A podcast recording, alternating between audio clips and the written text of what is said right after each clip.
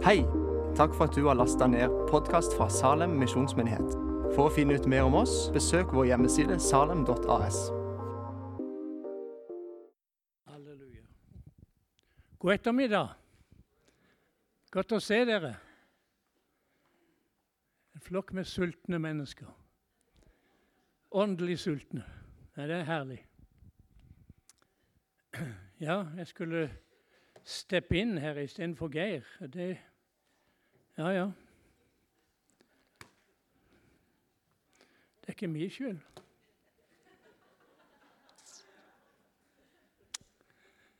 Halleluja. Far, jeg bare takker deg for din trofasthet. Takker deg for Den hellige ånd. Takker for ditt ord. Det er det vi trenger. Velsign denne stunden for oss, og la ordet bli levende for hver eneste en i Jesu navn. Amen. Takk for sangen. Takk for sangen. Det var rett inn i min situasjon. Fantastisk. Aldri går du fra meg. Halleluja. Alltid har han vært med. Ja, jeg skulle jo ha talt neste søndag om det her, men så ble det altså et skifte. Vi skal lese sammen fra nådegavekapitlet fra 1. Korinterbrev, kapittel 12, vers 1, og så fra vers 4 og utover. I Jesu navn. Når det gjelder de åndelige gaver, brødre, vil jeg ikke at dere skal være uvitende. Det er mange forskjellige nådegaver, vers 4, men Ånden er den samme. Det er mange forskjellige tjenester, men Herren er den samme. Det er mange forskjellige kraftige virkninger, men Gud er den samme som virker alt i alle. Men Åndens åpenbaring blir gitt til hver enkelt etter hva som er ganglig. For til en blir det gitt visdomsord ved Ånden, en annen kunnskapsord ved den samme ånd. Til en annen tro ved den samme ånd, til en annen nådegave til å utføre helbredelser ved den samme ånd til en annen kraft til å gjøre undergjerninger, til en annen profetisk gave, til en annen til å prøve ånder, til en annen forskjellige slags tunger, til en annen tydning av tunger. Men det, den ene og samme ånd virker alle disse forskjellige nådegavene og deler ut til hver enkelt slik han vil. Amen. Hvorfor nådegaver? Da Jesus i Matteus 16 spør disiplene hvem de tror han er, så sier Peter, 'Du er Messias, den levende Guds sønn'. Og så sier Jesus, 'På denne klippet vil jeg bygge min menighet'. Og derfor nådegavene. Gjennom nådegavene bygger Gud sin menighet. Det er det Han som bygger, ikke noen mennesker. Men det er det Gud som bygger. Og Derfor er det så viktig for oss at vi har disse nådegavene, at vi får dem i bruk. Så Guds menighet kan bygges opp og bli sterk og frimodig og komme inn i den plan som Gud har for den enkelte av oss. Og Gud har en plan hver eneste en av oss. Og i den planen han har for oss, den bestemmelse han har for mitt liv, der har Gud lagt nådegaver inn som jeg kan bruke, så det blir effektivt i mitt liv. Så ikke det blir noe jeg bare snakker om, men slik at det blir noe Den hellige ånd formidler til oss alle sammen. Nådegavene er gitt av nåde. Det er bare nåde. Og det er én ting, men en annen ting som er så herlig de formidler nåde. Ja. Når nådegavene brukes, så trer nåden i funksjon til de mennesker som tar imot. Og det er veldig viktig. Halleluja. Så hvis vi ønsker å være effektive venner, og bli brukt av Jesus, så søk de åndelige gaver. Søk de med iver, sier Bibelen. Men er det jo også sånn at det er ikke den eneste tingen som Den hellige ånd gjør, å utruste oss med nådegaver. Han har noe som er like viktig, og kanskje enda viktigere. Og det er åndens frukt som han gir. Kjærlighet, glede, fred, mildhet, godhet, trofasthet, saktmodighet osv. Det er en frukt som vokser fram i livet vårt fordi vi har fellesskap med Den hellige ånd. Og Derfor er det så viktig for oss at vi er fylt av Den hellige ånd. Det er veldig viktig, så den frukten kan vokse fram. Det er akkurat som frukten på et tre. Det trenger gjødning, og det trenger grobunn. Og det trenger varme, og det trenger vann, og det trenger alt. Den hellige ånd, det levende vann, Den hellige ånds varme, kommer inn i våre liv. Og kjærlighet, glede, fred og mildhet og godhet.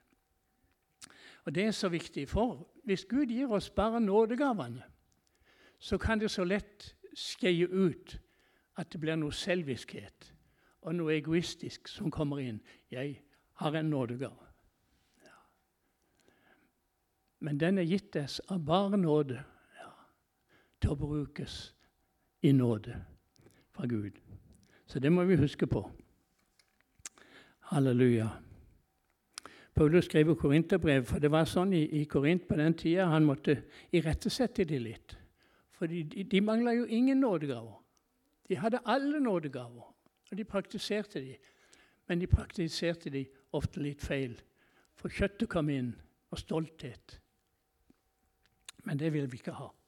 Halleluja. Derfor må vi ha åndens frukt i kjærlighet. Det er som en fugl. Jeg tror det var Ken Reiti fra Australia som sa det en gang. Det er som en fugl, sa han. Du kan klippe den ene vingen, så kan han ikke fly. Han kan bare svirre rundt. Men har han to vinger, så kan han lettere fly. Ja. Du trenger nådegavene, og du trenger åndens frukt. Så kan, du, så kan du lette. Halleluja. Så blir det noen resultater ut av det. Så nådegavene de trenger vi. Jeg vet ikke hvorfor det at eh, Jeg vet ikke om det er djevelen som har lurt oss, eh, menighetene, eller hva det er. For det er jo nesten ingen menigheter i dag det praktiseres. Det kommer en tung av og til en tydning, og så er det liksom det. Men hele den lista her f.eks. nådegave til å helbrede. Tenk hvor mange syke mennesker sier det er sikkert syke mennesker her i dag. Som Den hellige ånd kunne bare helbrede. Og han gjør det. Jeg må fortelle litt fra mitt eget liv. og jeg har lov til det. Er det greit? Jeg var på en teltaksjon oppe i Oppdal i Sør-Trøndelag. Jeg bodde hos et gammelt ektepar som uh, Inge ja, jeg tror hun het Hildur Mjøen. Vi bodde der. og hadde Dattera mi Turid, den eldste dattera, var med, og det var flere ungdommer som var med. Og så, uh, så sier han uh, en mandag, tror jeg det var Så sier han du Wilhelm, jeg er jo sauebonde. Og jeg må opp på skauen og lete etter sauer for det er ikke alle som er kommet hjem. Men jeg klarer det ikke, for jeg har så fryktelig vondt i det høyre kneet mitt. Så kan ikke dere be for meg? Jo, det skal vi gjøre, sa vi. Og Vi samla rundt han og la hendene på han og ba til Gud for han at han skulle bli frisk i det kneet. Det gjorde vi morgen og middag og kveld. Mandag, tirsdag, onsdag, torsdag og fredag og lørdag. Ingenting skjedde. Så kom han på møte i ei lita kirke ute på Lønset på søndag formiddag. Og så Jeg skulle tale, jeg skulle lede, og så hadde vi en som het Terje Rygg, som skulle synge litt. Og mens jeg talte, så fikk jeg plutselig sånn ja, Før jeg kom inn, så hadde jeg òg et tilfelle det. Jeg fikk fryktelig hodepine. Det var noe så helt enormt. Så jeg sa Jesus, jeg kan ikke tale, jeg kan ikke lede det møtet med den hodepinen. Det må vekk. Så i Jesu navn, kom deg vekk. Så holdt jeg på sånn, ut på trappa, og så gikk det vekk. Så kom jeg inn, og så hadde jeg talt, og så kom det igjen. Forferdelig. Så tenkte jeg, hva er dette her for noe? Og så fikk jeg et lys. Jo, der sitter et menneske her som er plaga av forferdelig migrene. Sitter du henne? Sitter her, sa hun. I Jesu navn, vær helbreda seg. Åh, nå slapp det, sa hun. Det var så, så herlig og vidunderlig. Og da var jeg liksom for lov å si det, var inne i ånden. Og så sier jeg der sitter en her som har forferdelig vondt i det høyre kneet. Sitter du henne? Så fortalte Inge meg etterpå. Jeg tenkte med meg sjøl ja, ja, Wilhelm, du, du, vet jo at jeg, jeg sitter her. Så, men jeg tenkte ikke på det. Så sa jeg du sitter her som har vondt i det høyre kneet. Gi det til kjenne, sa jeg. Så blir du frisk. Ingenting. Så sa jeg OK, du kan gå hjem med det der kneet hvis du vil, men du kan gå hjem frisk. Det er opp til deg. Og Så løfta han handa si og så sa han, 'Wilhelm, det er vel kanskje med det', sa han. Inge seg i Jesu navn, vær helbreda. Dagen etterpå så gikk han på saueleiting, sunn og frisk. Spør om vi trenger nådegavene, venner. Vi hadde bedt hele uka for han. Ingenting skjedde. Så kom Den hellige ånd, så var det gjort. Å, mine kjære venner. En menighet som ikke har nådegaven å praktisere, det, er en åndsfattig menighet. Og det vil vi ikke være. Vi vil ha ånd og kraft og liv. Amen. Ken Reit han sa det til meg, jeg snakka med han om det, så sa han at Wilhelm, i Australia hjemme i Vi har ingen syke i menigheten. Vi har sett fire døde reist opp fra det døde. Ja. Ved åndens kraft. Ja. Det er Guds menighet. Ja. Det er sånn som vi leser om disiplene. De praktiserte det. Og For meg er det blitt sånn når Jesus sier i Matteus er det vel han sier Helbred syke, rens spedalske, vekk opp døde, kast ut demoner. For intet dere har fått, og for intet skal dere gi det. Det er ordren, det er beskjeden. Jo, jo. Men det var, jo, det var disiplene. Nei, det er ikke disiplene. Det er oss. Det er så herlig når vi har Geran taler om å bli disipler og disippelskap. Jeg talte om det i går, det var så herlig. Men det var like mange unge i går som det er voksne her, da, kanskje enda flere. Halleluja. Vi er disipler. Ja. Men vi har, en, vi har, en, mangel, vet du. Vi, vi som er litt, litt eldre. Jesus han sier i sitt ord nå, nå må du ta Skriftstedene kan jeg, men hvor det står, det glemmer jeg fort. Og Nå tar jeg dette på sparken i dag. Men han sier om enhver ikke gir avkall på det han har, på alt han har, kan han ikke være min disippel. Det er begynnelsen. Den som ikke altså gir avkall på alt han har, kan ikke være min disippel. Hvorfor sier Jesus det? Jo, fordi at hans tanker og den åndelige verden er så mye større og mye rikere og så mye høyere enn den verslige verden vi lever i. Så vi må være fri fra alt her, så vi kan ta imot det som Gud vil gi oss. Halleluja. Og Vi ønsker alle å være disipler. Vi ønsker alle å tjene Jesus. I hvert fall Jeg ønsker hele mitt hjerte, jeg ønsker snart 50 år nå, tjene Jesus med hele mitt liv. All min ånd og sjel og kropp skal tjene Jesus. Og da vil jeg ha alt det som han har gitt meg, for å kunne tjene effektivt. Og det har jeg opplevd. Halleluja. Priset være Jesus. Nå glemte jeg å se på tida, så det må du passe på. Du får bare vinke til meg. Halleluja. Så står det her Det er forskjell på nådegaver, men ånden er den samme. Så leste vi noen av åpenbaringene her. Så sier han det er forskjell på tjenester, men her er den samme. Vet, her har vi de ni forskjellige nådegaver som vi kaller nådegaver. Men Bibelen har jo mange flere nådegaver. Jeg har ei som jeg er veldig glad i. Det står i ordspråket det står den som har funnet en hustru, har funnet lykke. Det er en nådegave fra Herren. Så min nådegave sitter der nede. Halleluja. Hun bringer lykke inn i mitt liv. Men hør, når du bruker de andre åndelige nådegavene, så bringer du lykke ikke bare til du som gir det, men til de som får det. Tenk på de som blir helbreda.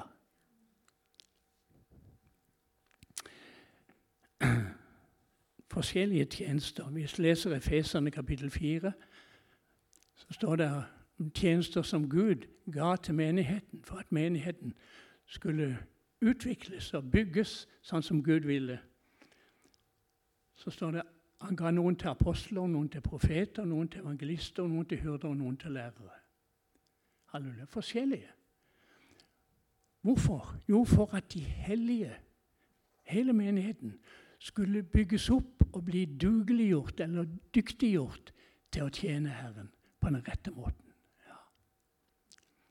Og jeg tror at når vi leser i apostelgjerningene om, om, om de første menigheter, så var de så effektive fordi det var apostler som var der, og som underviste dem, og som førte dem fram. Og jeg tror at enhver menighet vil trenge disse salvelser. For det er ikke bare men, det er ikke mennesker, men det er salvelser som Gud gir til mennesker. En apostelsalvelse den er litt annerledes enn evangelistsalvelsen. Men han inneholder det òg. En apostel har egentlig alle disse salvelsene. Apostel, profet, evangelist, hyrde og lærer. Du leser brevene om Paulus, så skjønner du at det er litt av hvert inni der. Mens en evangelist han har den evangelistgaven, og den må han konsentrere seg om. Halleluja. Så eh, jeg tror at alle fem skulle være involvert i en menighet for at den skulle vokse. For Gud ga de fem for at menigheten skulle bli fullkommengjort til å tjene. Halleluja. Og så er det noe som, som uh, vi leste om her. Det er mange forskjellige nådegaver, men ånden er den samme. Vi leser i Romerne 12, så snakker Paulus om en del nådegaver.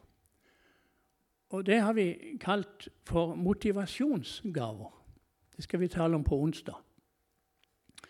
Den hellige ånd kommer over deg, så motiverer han deg til en tjeneste i Guds rike. Og det er veldig viktig. Du kan se på f.eks. du ser på eh, norgesmesterskap i langrenn eller hva det være, så kan det være noen som sier at nei, nei jeg, jeg kutta ut for jeg, jeg mista motivasjonen. Da, da, var det ikke noe vits lenger. Jeg hadde ikke motiv, motiv lenger. Du kan se på en fotballspiller som har vært en glimrende fotballspiller, og så plutselig er han vekk og sier 'Hvorfor det?' 'Jeg har mista motivasjonen'. Ja. Det, er noe, den, det er ikke den drivkraften lenger. Den indre drivkraften som sier 'ja, ja, ja'. Jeg er motivert for det. Men det er vekk. Og den trenger vi. Halleluja. Og den gir Den hellige ånd villig, hvis du vil. Hvis du søker Jesus og søker å bli en tjener for Jesus Jeg ønsker å tjene deg, Jesus, der hvor jeg er, på jobb, butikken, hvor jeg måtte være på skolen. Hvor jeg ønsker å tjene deg, så vil jeg motivere deg for å tjene. Halleluja. Og det er når du er motivert, vet du, det er da driven kommer. Halleluja. Yes, Og så har vi disse der står, Men Åndens åpenbaring ble gitt til hver enkelt ettersom det er ganglig. Nå skal jeg få lov å ta, et, ta opp et lite manuskript som jeg har her, så vi kan få det til. Om disse forskjellige Og kom nå. Gud var trassig. Han taler om visdom. Noen gis visdomsord ved Ånden. Visdomsord det er egentlig innsikt til å kunne forkynne Guds ord rett sånn som det står. Ja. Og Det er veldig viktig. Visdom. Men det kan også være at uh, der sitter noen i et råd og så skal drøfte en sak som ikke de er helt sikre på hvordan de skal løse så ber de til Gud om at Gud skal gi visdom. Og så gir han visdomsord. Så vidt jeg husker akkurat nå i øyeblikket, så var Paulus Nei, Peter Peter han sto til ansvar for de andre apostlene etter han hadde vært i Kornelius' hus, og ånden var falt. Og han hadde, hadde, eh, hedningene var døpt i Den hellige ånd. Så ble det litt diskusjon om det, om de hadde rett til det, for de var jo ikke jøder. Men så er det en der som får et visdomsord. Så slutta hele diskusjonen fordi at de fikk et visdomsord hvordan det skulle behandles. Halleluja. Kunnskapsord. Ja. Å, halleluja. Det var det jeg fortalte om om Inge fikk et kunnskapsord. Jeg talte i Shalom en gang på et møte. Og Etterpå så gikk jeg Det var jo to trappetrinn opp til plattformen. Så gikk jeg på det ene trappetrinnet bare foran der etterpå og priste Jesus. Bare til Jesus. Og plutselig så, så sier Den hellige ånd Der sitter en her som har noe tett i nesa. Han kan ikke puste med nesa. Og så tenkte jeg ja, kan, kan du ikke si det, for hvis, hvis ikke det er sånn, så dummer jeg meg jo ut. Men så tenkte jeg nei. Så sier jeg der sitter en her i salen som ikke kan puste med nesa. Sitter du hen? Sitter her, sa han. En ung mann. Så jeg Gud velsigne deg. Ta imot helbredelse. Jeg kan puste! Det var med ett.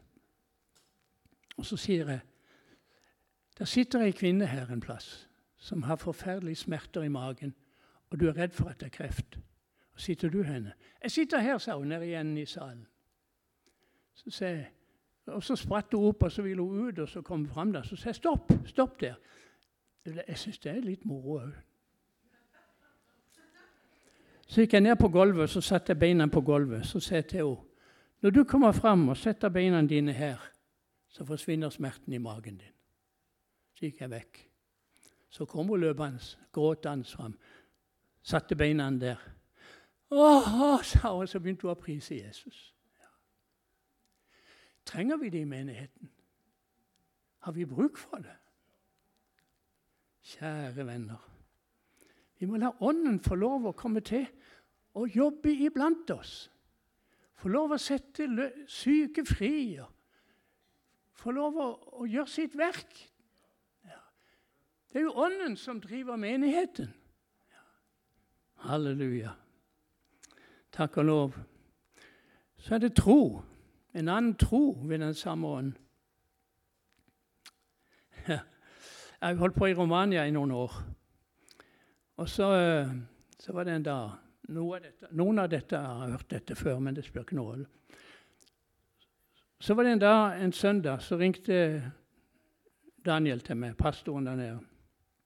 Og så sier han Wilhelm eh, skal ut til Kilnotch og ha et møte og undervise ti stykker som ikke er frelst, og som har bedt meg å komme og så undervise. Så jeg reiser ut der i kveld. Ja, så flott, sa jeg. Jeg skal be. Og Så gikk det noen timer, klokka var henimot ti, så ringte han igjen og så sier han, Wilhelm, nå er det ti stykker som er nyfrelst, som er her. Men vi har ingen sted å, bo. de har ingen sted å være. Vi, vi kunne ikke være i det, i det, huset lenger. Så vi har ingen plass å være. Hva skal vi gjøre? Så sier jeg nei, hva tror du vi må gjøre? Vi må bygge ei kirke, sa han. Ja, har du tomt? Ja, jeg vet en gammel dame her. Hun har ei tomt. Vi kan få kjøpt tomt av henne. Ja. Så, eh, så sier jeg da må vi jo gjøre det. Så sier han, 'Ja, har du penger?' Nei. Men eh, vent litt. Så la jeg telefonen ned i fanget mitt og så sier jeg, 'Jesus, du eh, vil jo at folk skal bli frelst.' Og du elsker Kilnotch og vil at hele den bygda skal bli frelst. Og nå har vi et tomt og kan bygge ei kirke. Og det vet jeg ikke så lett om vinteren nedi der å ha ha menighetsmøter og møter ute i det fri. Så, så, eh, hvis du vil vi skal bygge den kirka her og kjøpe den tomta, så, så bare gi meg beskjed. Og med en gang så kom den der freden som er over all forstand. Jeg ble helt fylt av fred. Det var bare så vidunderlig. Og så tok jeg telefonen opp og så sier jeg til Daniel vi kjøper den tomta. Ja, har du penger? Nei. Sølv og gull hører Herren til. Så sa han ok, da begynner jeg i morgen å ordne med papirene. Og så gjorde han det. Og så gikk det to eller tre dager. Så traff jeg en mann her i Salem. Og så sier han du holder på i Romania. Ja. Jeg kunne tenke meg kanskje å støtte et prosjekt i Romania. Har du noen prosjekter som trenger noe penger? Ja, jeg har det, sier jeg. Hva dreier det seg om? Nei, ca. 50 000. Og da hadde Daniel sagt tomta koster 44 000. Ja, men det har jeg, sa Du kan kjøpe ei tomt. Ja, så flott! Så sendte vi pengene til Daniel. kirka står der nå. Tro der og da. Ja. Du bare får en åpenbaring. Det er bare sånn det skal være. Du bare vet at du vet at du vet. Ja. Fantastisk. Det er herlig. Vidunderlig. Halleluja. Og så helbredelse. Kjære deg, altså. Jeg syns det er herlig når forkynner evangeliet, og folk blir frelst. Det er vidunderlig. Men jeg syns også det når en syk stakkar kan få lov å bli frisk fra sin plage. Ja. Det virka mye mer før i min tjeneste, for 20-30 år siden, kanskje 40 år siden. Da var det en prest som spurte meg hvordan er det å ha helbredelsens nådegave. Så sa jeg vet ikke. Ja, men du har jo den, sa han. Ja, har jeg det? Jo, folk blir jo helbreda når du ber for dem. Ja. Men i dag er det helt annerledes. Jeg tror jeg har bedt for fire stykker i Salem som er blitt friske. Men det er mye tøffere i dag enn det var før. Og jeg tror det, jeg tror det henger sammen med Unnskyld at jeg sier det, men jeg tror det henger sammen med at, at menigheten har ikke den fylde av Den hellige ånd i menigheten som vi skulle ha. Hvis vi hadde alle sammen en fylde av Den hellige ånd Vi kom til menigheten fylt av Den hellige ånd og ba for han som skulle forkynne ordet, og gleda oss til å ta imot det, og gikk ut og praktiserte det. Jeg har vært i sånne menigheter. Da er det en åndelig atmosfære. Og det er veldig nødvendig hvis nådegaven skal fungere. Ja. Det er veldig sjelden at nådegaven fungerer hvis, hvis det, det, det ikke er åndelig atmosfære. Eller at Jesus er virkelig til stede. Og det må vi be om, for det vil han. Halleluja. Helbredelse. Det største jeg har opplevd, og det har dere sikkert hørt før, det var en vekkelsen på Færøyene i 74. Nei, det var 6-77. Så bodde jeg hos ei gammel enke. Jeg tror hun var enke, i hvert fall var ei gammel dame.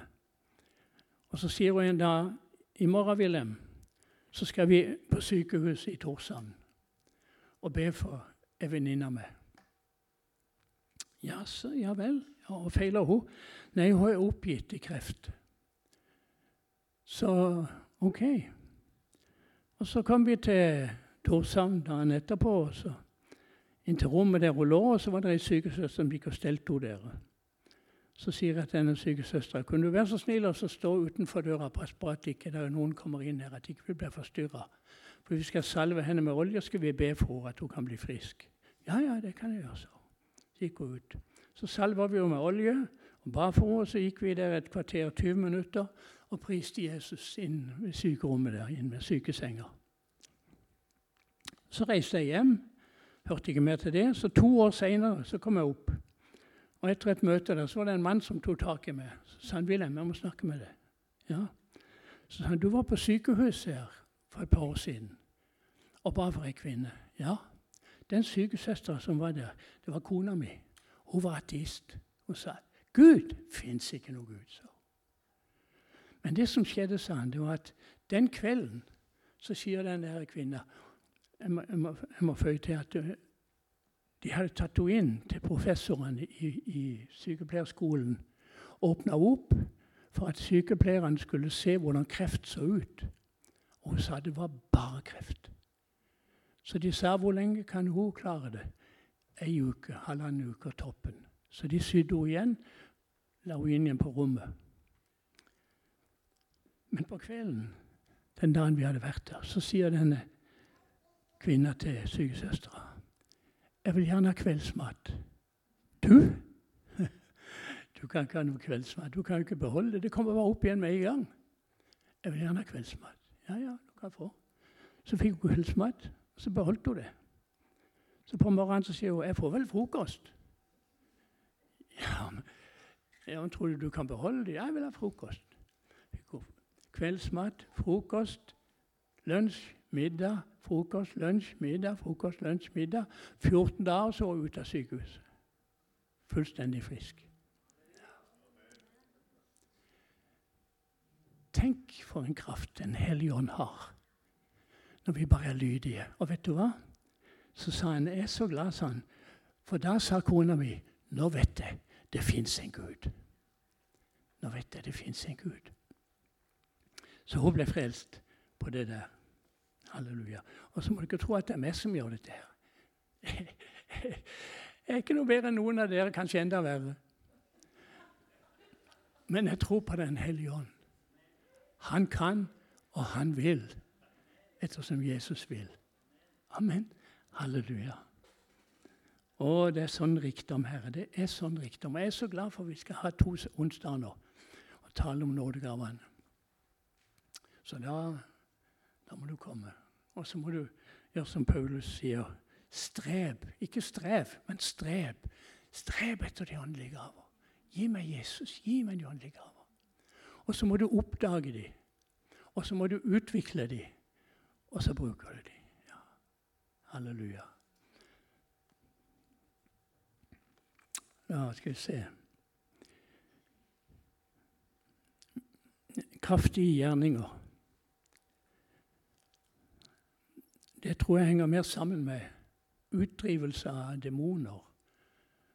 Og å sette mennesker fri fra demoniske plager. Det er kraftige gjerninger. Og det trenger vi. Halleluja. Og så er det jo, det er jo sånn, vet, Demonene her i Norge er jo helt annerledes enn de i Afrika, f.eks. Det kan ikke sammenlignes. Men så er det jo sånn at hvis menigheten blir fylt av Den hellige ånd og metta av Den hellige ånd, så er det av og til så stikker disse demonene seg fram. Ja. De klarer ikke den atmosfæren. Og da trenger vi noen kraftige gjerninger til å se Jesu navn fare ut, ja, som Jesus gjorde. Han har gitt oss befaling om å gjøre det. Halleluja. Vi må våkne. Amen. Halleluja. Profeti. Jeg kan bare fjerne noe her.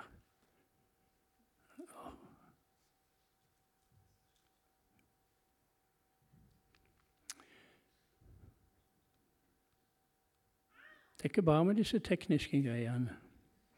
Profeti i menigheten. Og Det som menes her om profeti, det er ikke bare at uh, du kan profetere. Den som taler profetisk, kan tale til formaning, oppmuntring og trøst. Du kan tale profetisk når du forkynner ditt ord. Men det som helst er, det er at Den hellige ånd gir en profeti til menigheten om situasjonen i menigheten eller om menighetens framtid. Og det trenger vi. Halleluja. Det er veldig viktig.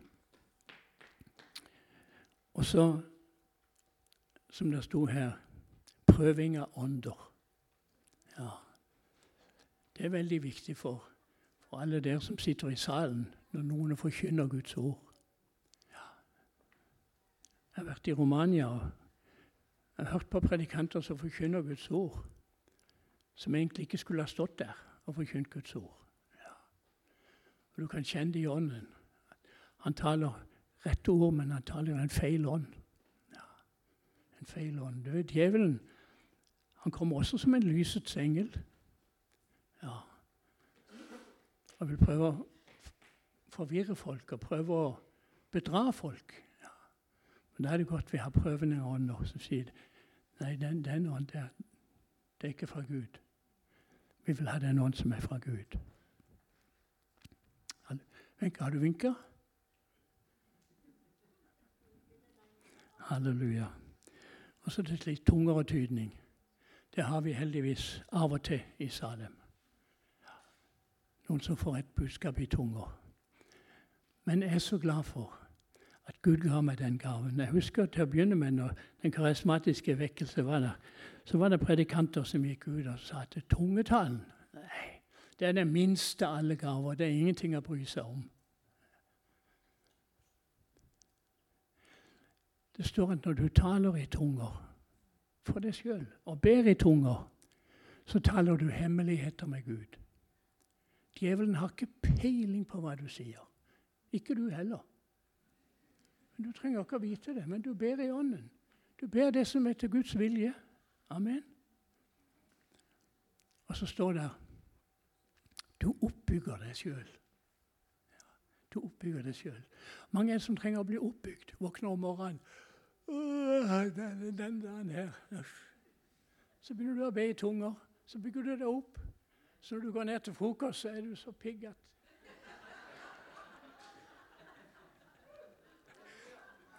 Amen. Halleluja. Jeg var innom så vidt en gang i Foursquare Gospel Church fra Amerika.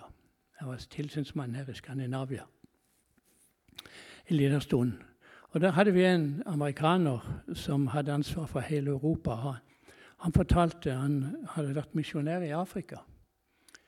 Og uh, Han og kona og de var på en misjonsstasjon der. Og Plutselig en dag så kommer det fire-fem uh, jeg vet ikke hva jeg skulle kalle de, røvere eller et eller annet, som kom inn. Og så tok de kona hans og dro med seg. Og så roper han bare til henne. Navnet hennes hun heter Millie. sier han, 'Millie, ta litt tunger! Be i tunger! Be i tunger!' Så begynte hun å be i tunger, og så begynte han å be i tunger. Og Plutselig så slapp de henne, og så forsvant de. Ja. Halleluja. Den hellige ånd virker på alle felt. Ja. Må ikke neglisjere noe av det, men må ta imot alt. Han gir alle, står det her, ettersom det er ganglig. Og hvis det er ganglig for Gud, ja, da er det i sannhet ganglig for meg og for deg. Amen. Åh, jeg blir tørst av bare å stå og snakke om det her. Se Guds herlighet åpenbart midt iblant oss. Ja. For en menighet. Tenk om alle disse nådegamene var til stede iblant oss alle sammen. Det kan de bli! Halleluja! Amen. Vi må bare våkne opp. Og så ser jeg at eh, menighet det er ikke bare å gå på møte. Det er ikke bare å gå på møte.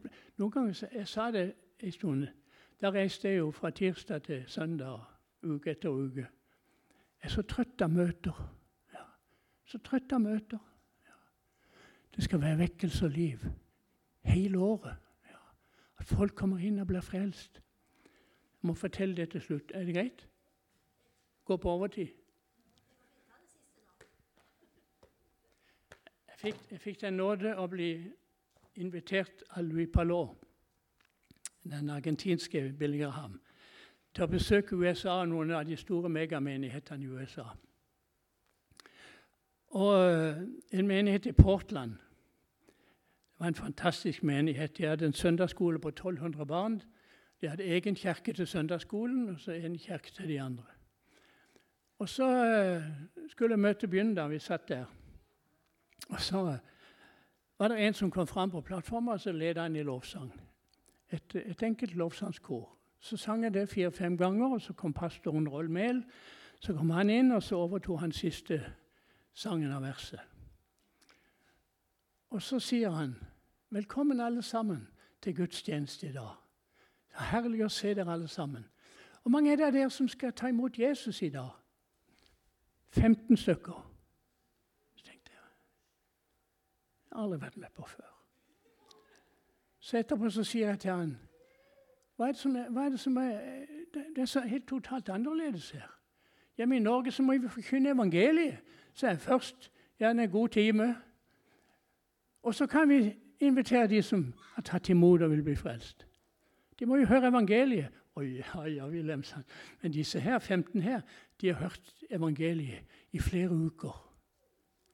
Hvis du hadde sett dette, så hadde du sett ved siden av hver eneste en av disse 15 så står det en som hører menigheten til, og som har vitna for dem igjen og igjen. Enten på jobben, i butikken, eller naboen, eller hvor som helst.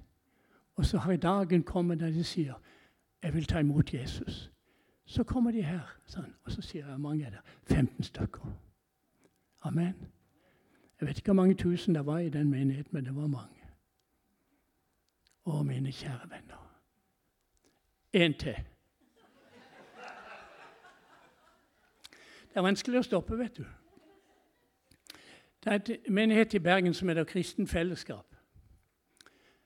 Og de hadde sammen med alle de andre menighetene i Bergen bestemt seg for at i sommer så ville vi sette opp telt på torget i Bergen. Uh, hvert vårt telt. Og så vil vi be folk komme inn der og få samtale om Bibelen, bli bedt for og, og hva det måtte være. Og så gjorde de det. Og så var det en ateist som oppdaga det, som kikka på dette, og så tenkte han hva er det de holder på med for noe? Og så fikk han eh, vite at uh, de som var der, de var kristen fellesskap, de hadde møtelokalet sitt der og der. Så neste søndag så stilte han opp i kirka der. Satt bakerst i kirka. Skulle følge med hva dette var for noe. Hva det, det dreier seg om. Og så gikk det en av medlemmene eller en av lederne som så der, som så han, og så gikk han ned til han. Så han, 'Hei', sa han. 'Godt å se det. Mitt navn er Og så tok han han og hilste på han. Ja, ja, ja, men jeg er ikke her for noe, jeg er ikke interessert i noe av det der med kristendommen. og det, Men jeg vil bare liksom vite hva dere holder på med.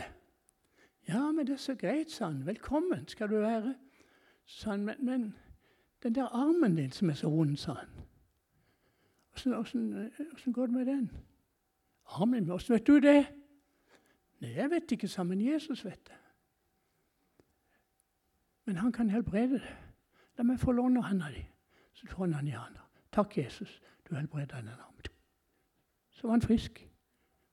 Det gikk 14 dager, så kom han på budet og ga sitt liv til Jesus. Nåde ga han, drevet av nåde ved Den hellige ånd. Ta imot dem. Amen.